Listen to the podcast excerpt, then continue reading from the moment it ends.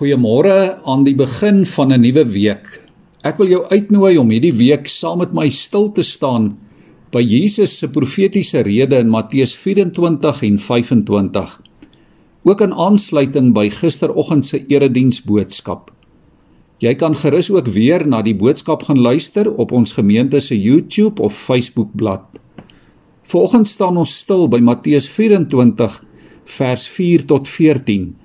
Jy kan gerus self die hele gedeelte daar gaan lees.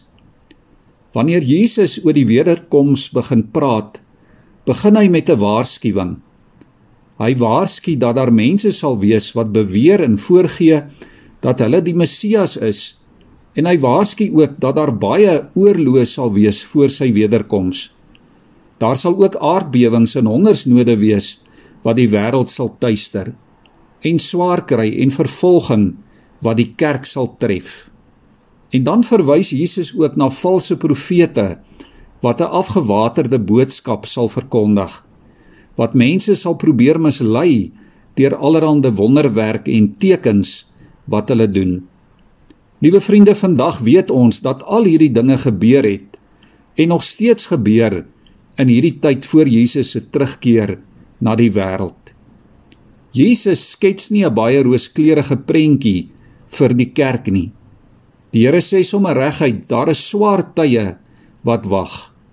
En ons moenie dink dis 'n gelykpad hemel toe nie. Dit sal moeilik wees om aan Christus getrou te bly. Maar intussen moet ons aanhou om die evangelie boodskap aan alle mense te verkondig. Want eers dan sal die einde kom, sê vers 14.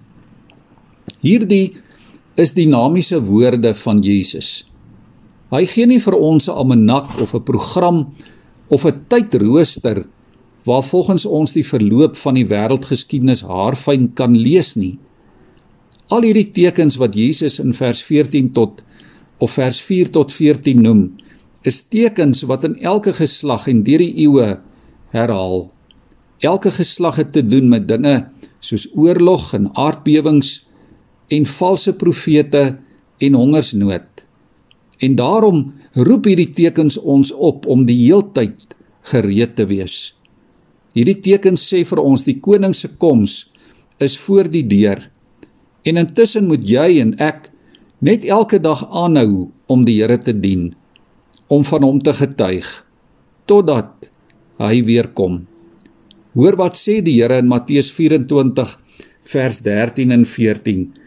Hy sê: "Maar wie tot die einde volhard, sal gered word. En hierdie evangelie van die koninkryk sal in die hele wêreld verkondig word sodat al die nasies die getuienis kan hoor. Eers dan sal die einde kom.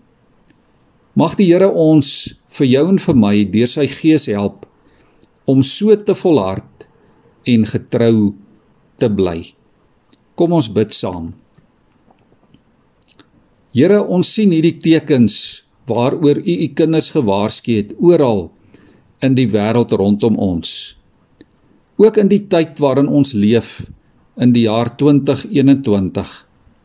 En Here, ons gebed vir môre is dat U ons sal help om wanneer ons hierdie tekens sien te dink aan U woorde en te onthou dat U na ons toe kom.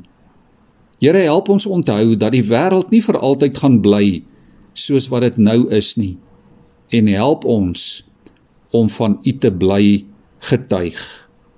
Amen.